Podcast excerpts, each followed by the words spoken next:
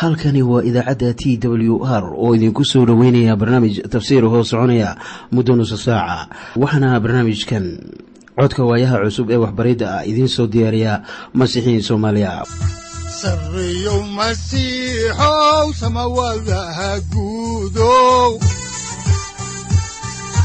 Siraadkii adduunkow subanaha eebow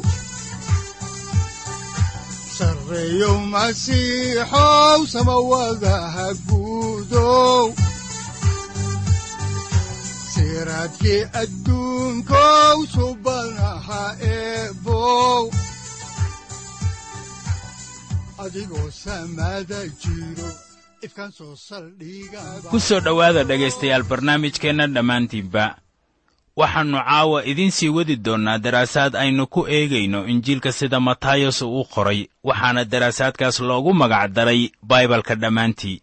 Waxaannu macluumaad idinka siinaynaa ahmiyadda uu leeyahay injiilka sida matayos uu u qoray waxaanan caawa idiin sii wadi doonnaa cutubka saddex iyo tobanaad. Mawduuca cutubkani uu ka kooban yahay waa mid qura waxaana weeye masaalkii boqortooyada oo muujinaya jihada boqortooyada. Kadib markii israa'iil ay diidday ilaa boqorka uu soo laabto oo uu dunida ka taago boqortooyada jannada. Balse inta aynan idin bilaabin barnaamijkan aynu wada dhegaysanno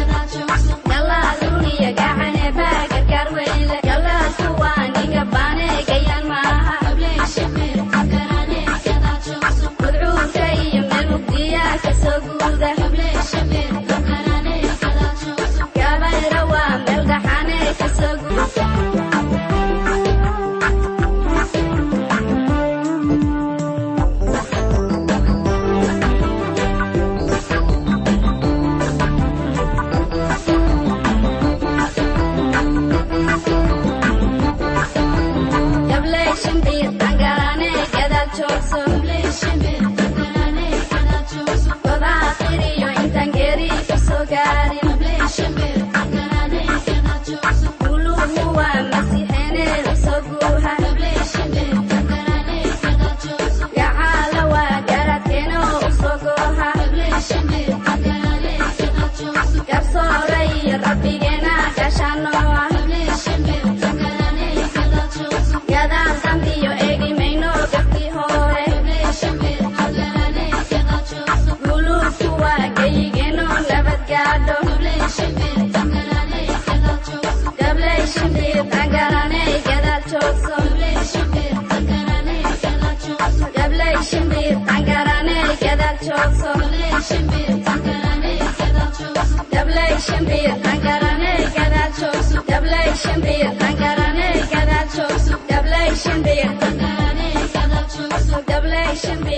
markii noogu dambaysay waxaannu idiin akhrinay cutubka saddex iyo tobanaad aayadda laba iyo tobanaad oo leh waayo ku alla kii wax haysta waa la siin doonaa waana loo badin doonaa. Kii aan waxba haysanse waa laga qaadi doonaa wuxuu haysto haddii aad garanayso run yar oo aad doonayso wax badan inaad ogaato sayidku wuu kugu dari doonaa. Haddii aadan doonayn inaad garato runta sayidkuna wuxuu hubinayaa inaadan helin wax aqoon ah. Masaalkii beerreyga waxaannu aragnay waxa loogu yeedrayo ama waxa loogu yeedho boqortooyadii jannada xaaladaheeda. Waxaana weeye waxa soo shaac bixinaysa hoggaamiyo dunida oo dhammi ay yeelato. Marka uu dadka magaciisa ugu yeedhay ilaahna wuxuu waday barnaamijkiisa maanta isagoo ku socodsiinaya kiniisadda oo ah kii loo yeedhay taasoo ay ku wada jiraan rumaysto kasta. Markaasina waxaan leennahay xaaladda boqortooyada jannada maanta. Marka ilaah barnaamijkiisa uu wado si uu dadka ugu keeno garashada ciise masiix. Iminkana ku soo dhowaada maaddada ah masaalkii gocandhada. Haddaan dib ugu noqonno caawa faalladii kitaabka ayaa waxaa ku qoran cutubka saddex iyo tobanaad aayadda afar iyo labaatanaad sida tan soo socota. Masaal kale ayuu u saaray oo wuxuu yidhi boqortooyada jannada waxaa loo ekaysiiyaa nin beertiisa abuur wanaagsan ku beeray. Masaalkan ayaa sayidkeennu horay uu uga sii ambaqaadayaa halkii uu ku dhaafay masaalkii beerreyga wuxuu inoo sheegay in afar marka loo qaybiyo abuurkii saddex meel ayaan waxtar yeelanin. Waayo kuwii maqlay hadalka ayaan ka jawaabin.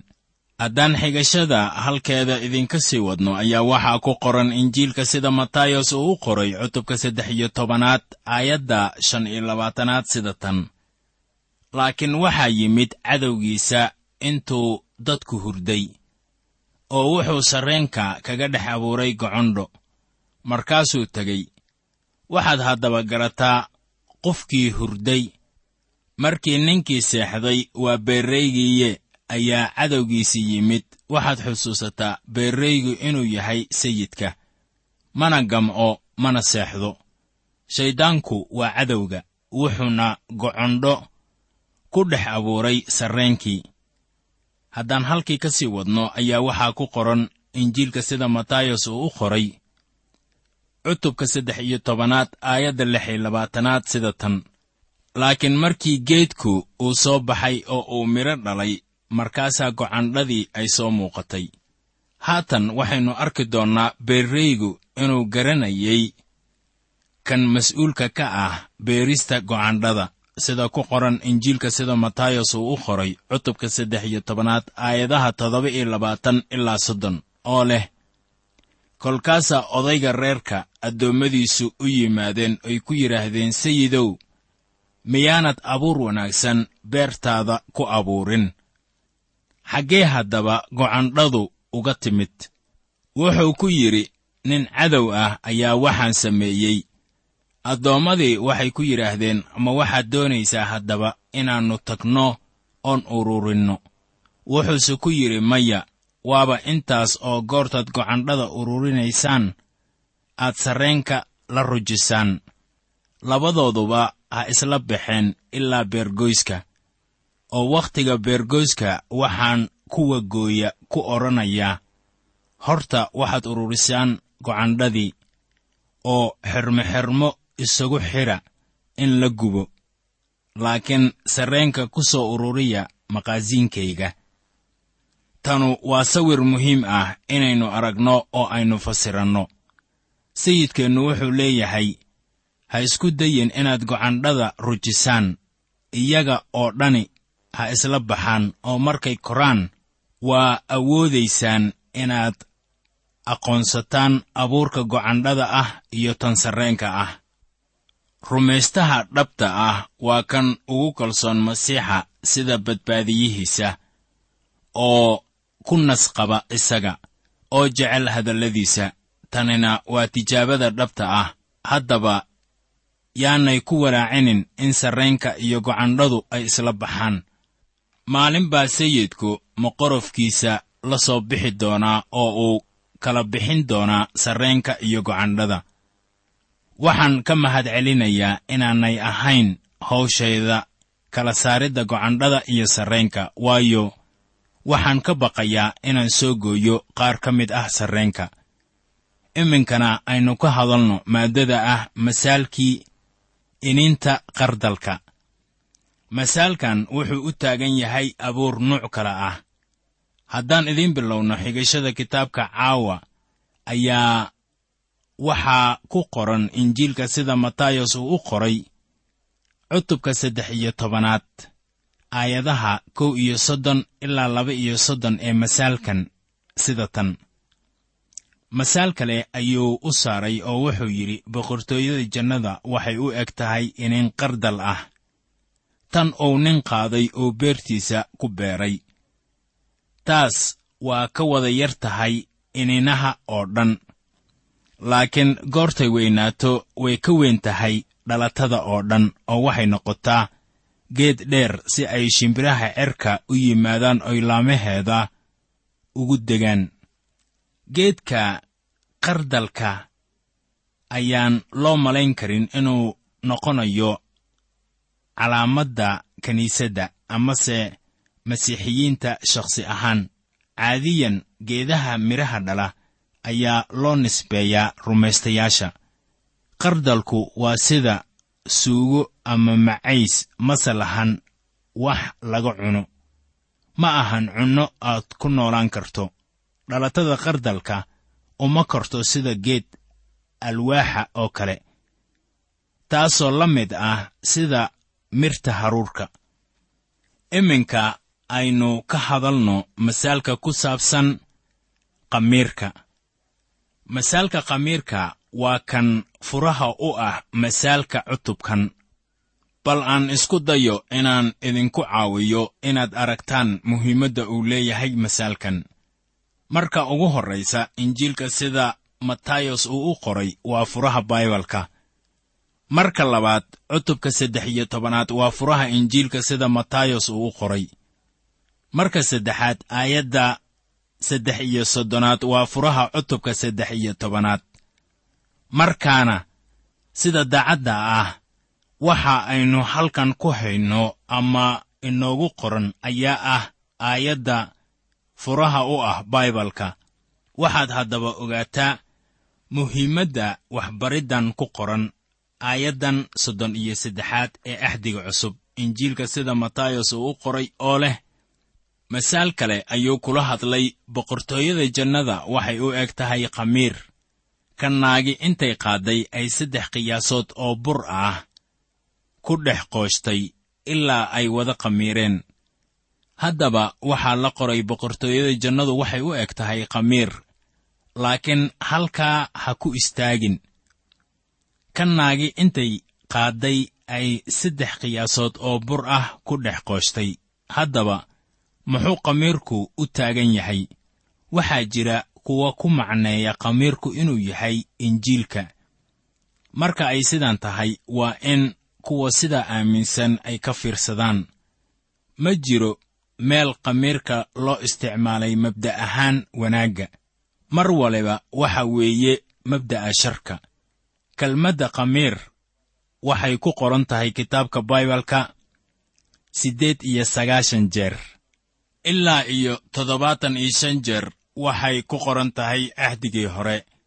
Saddex iyo labaatan jeerna waxay ku qoran tahay ahdiga cusub. Mar walibana waxaa loo isticmaalayaa fikrad xun. Laakiin boqortooyada jannada waxay u eg tahay khamiir ka naagi intay qaadday ay saddex qiyaasood oo bur ah ku dhex qooshtay ilaa ay wada khamiireen sayidkeenna qudhiisa ayaa yidhi sida ku qoran injiilka sida luukas uu u qoray cutubka siddeed iyo tobanaad aayadda siddeedaad oo leh qayb ahaan.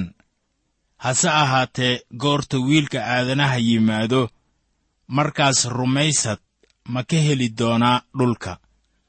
Haddaba sida su'aasha loo weyddiiyey marka la eego luuqadda giriigta ayaa jawaabtu ay noqonaysaa diidmo markaan dhanka kale eegno wuxuu leeyahay markii uu dhulka ku laabto waxaa jiraya kaafirnimo aad u badan.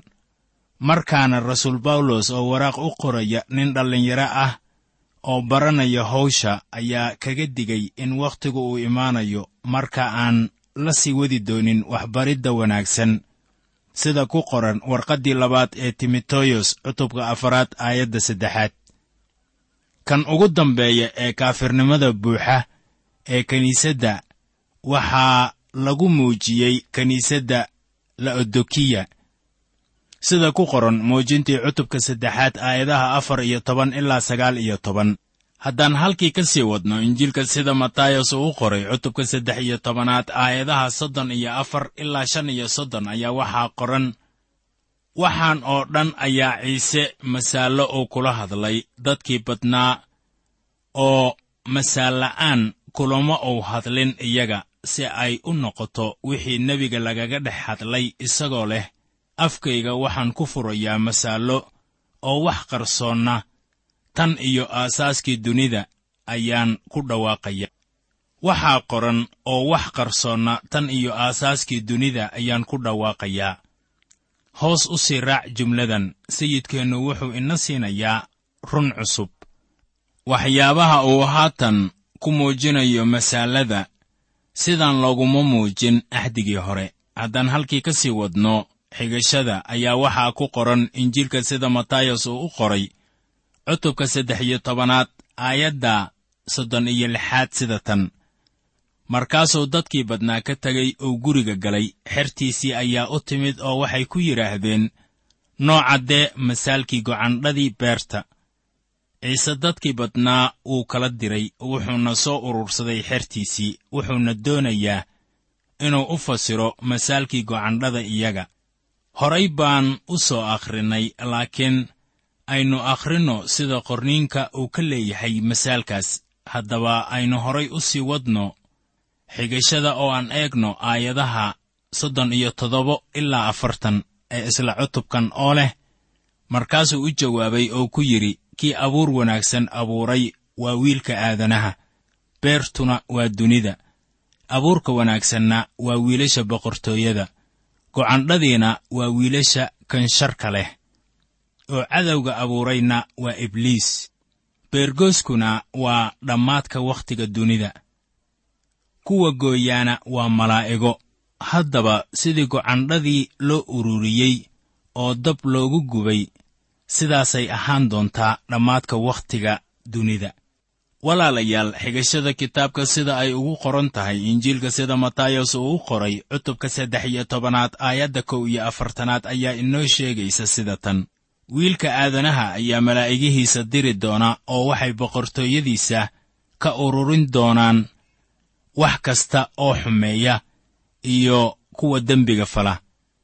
Soo arki maysid boqortooyada marka zabanku uu buuxsamo waxaa jiri doona shar madaxa la soo kacaya laakiin waa la rujinayaa haddaan halkii ka sii wadno ayaa waxaa ku qoran aayadaha xiga ee afartan iyo labo ilaa afartan iyo saddex sida tan oo waxay ku tuuri doonaan foornada dabka halkaas waxaa jiri doonta baroor iyo ilka jiririqsi.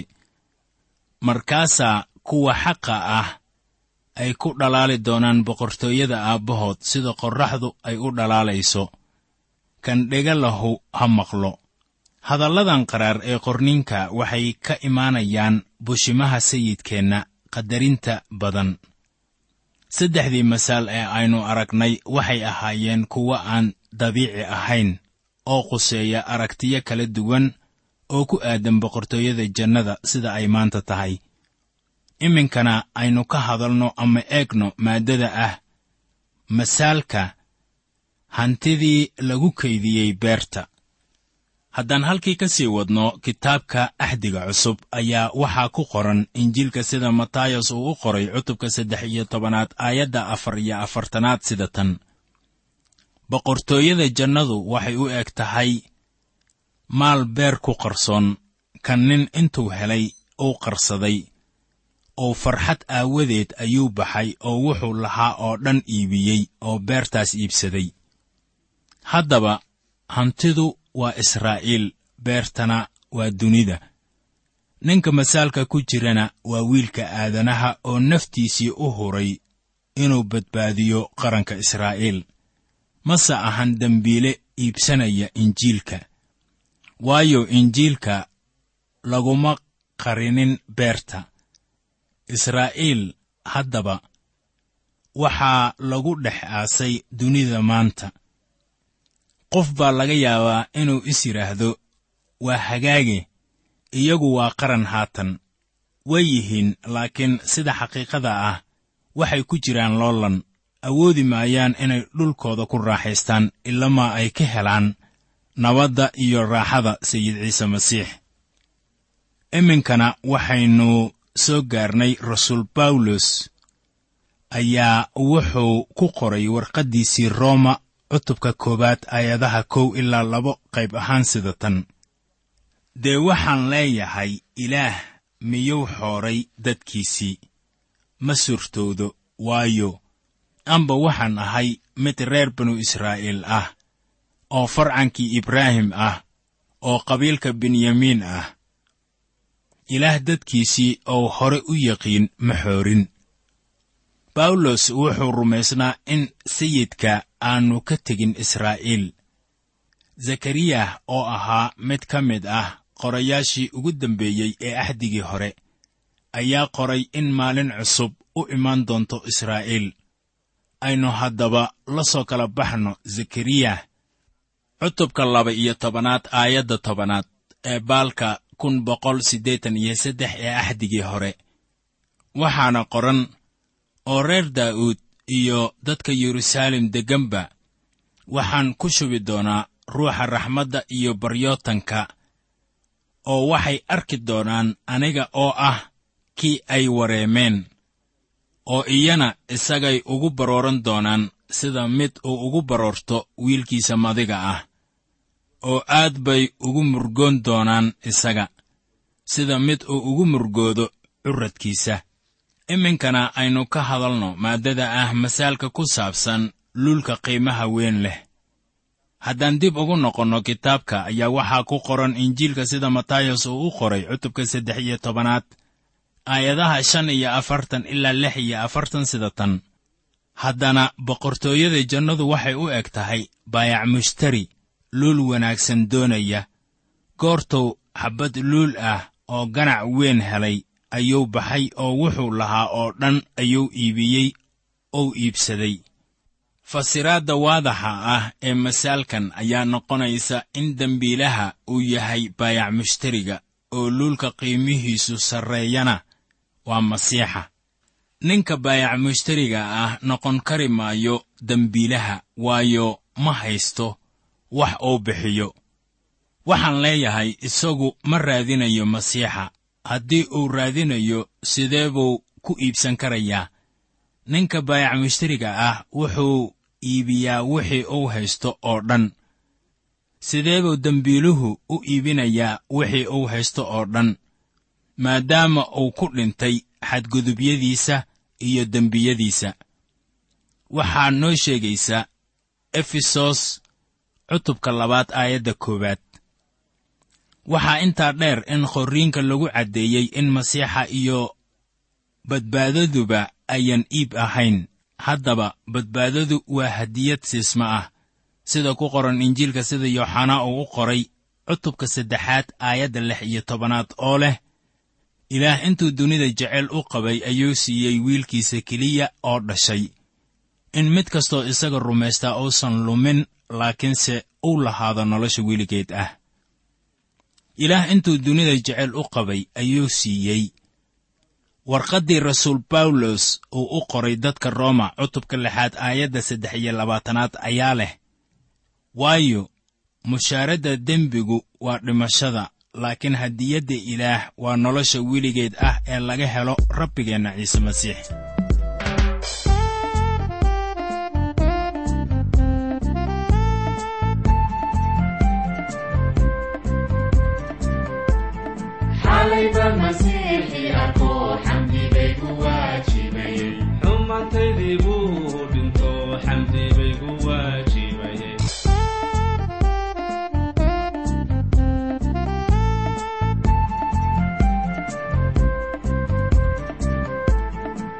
الحبيب المسيح أكون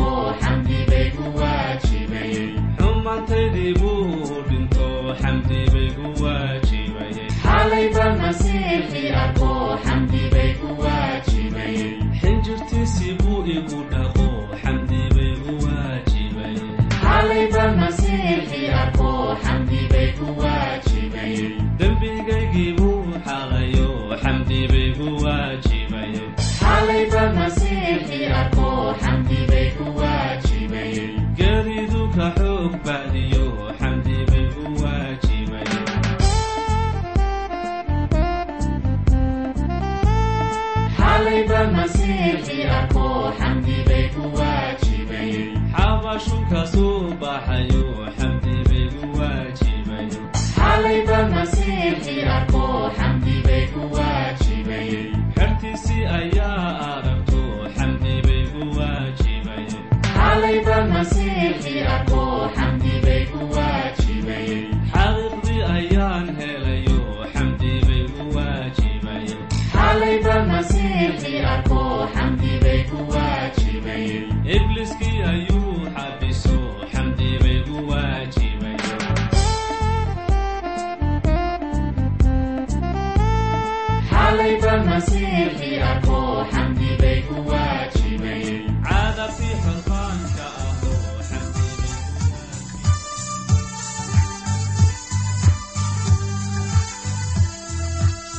sarreeyow masiixow samawadaha guudow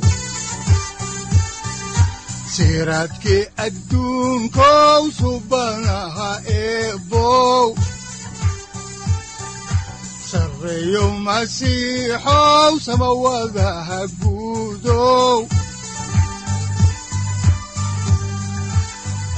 siraadkii adduunkow subanaha eebow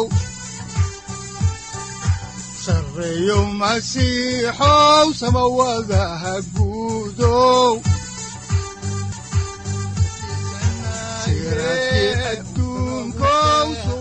Halkani waa t w r idaacadda t w r oo idinku leh ilaa ha idin barakeeyo oo ha idinku anfaco wixii aad caawi ka maqasheen barnaamijka.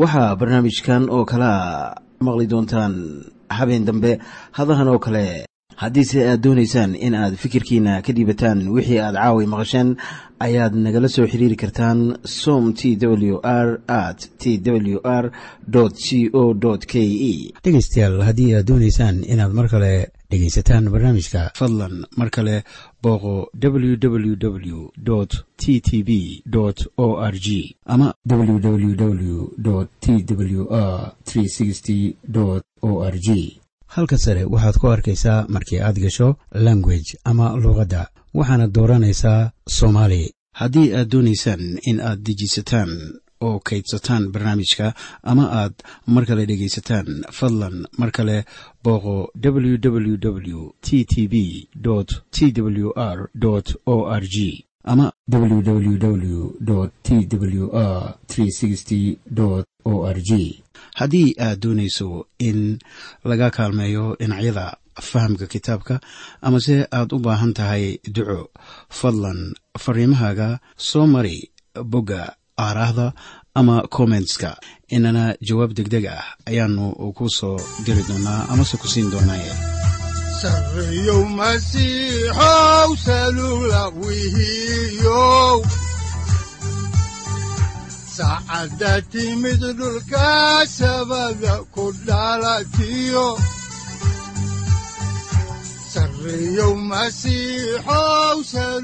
halkani waa t w r oo idiin rajaynaya habeen baraare iyo barwaaqaba leh inta aynu ka gaari doono wakhti aynu ku kulanno barnaamij la mida kan caawayay aad maqasheen waxa aan idinku leeyahay nabadda ciise masiix ha idinku badato xagga jidhka iyo ruuxaba aamiin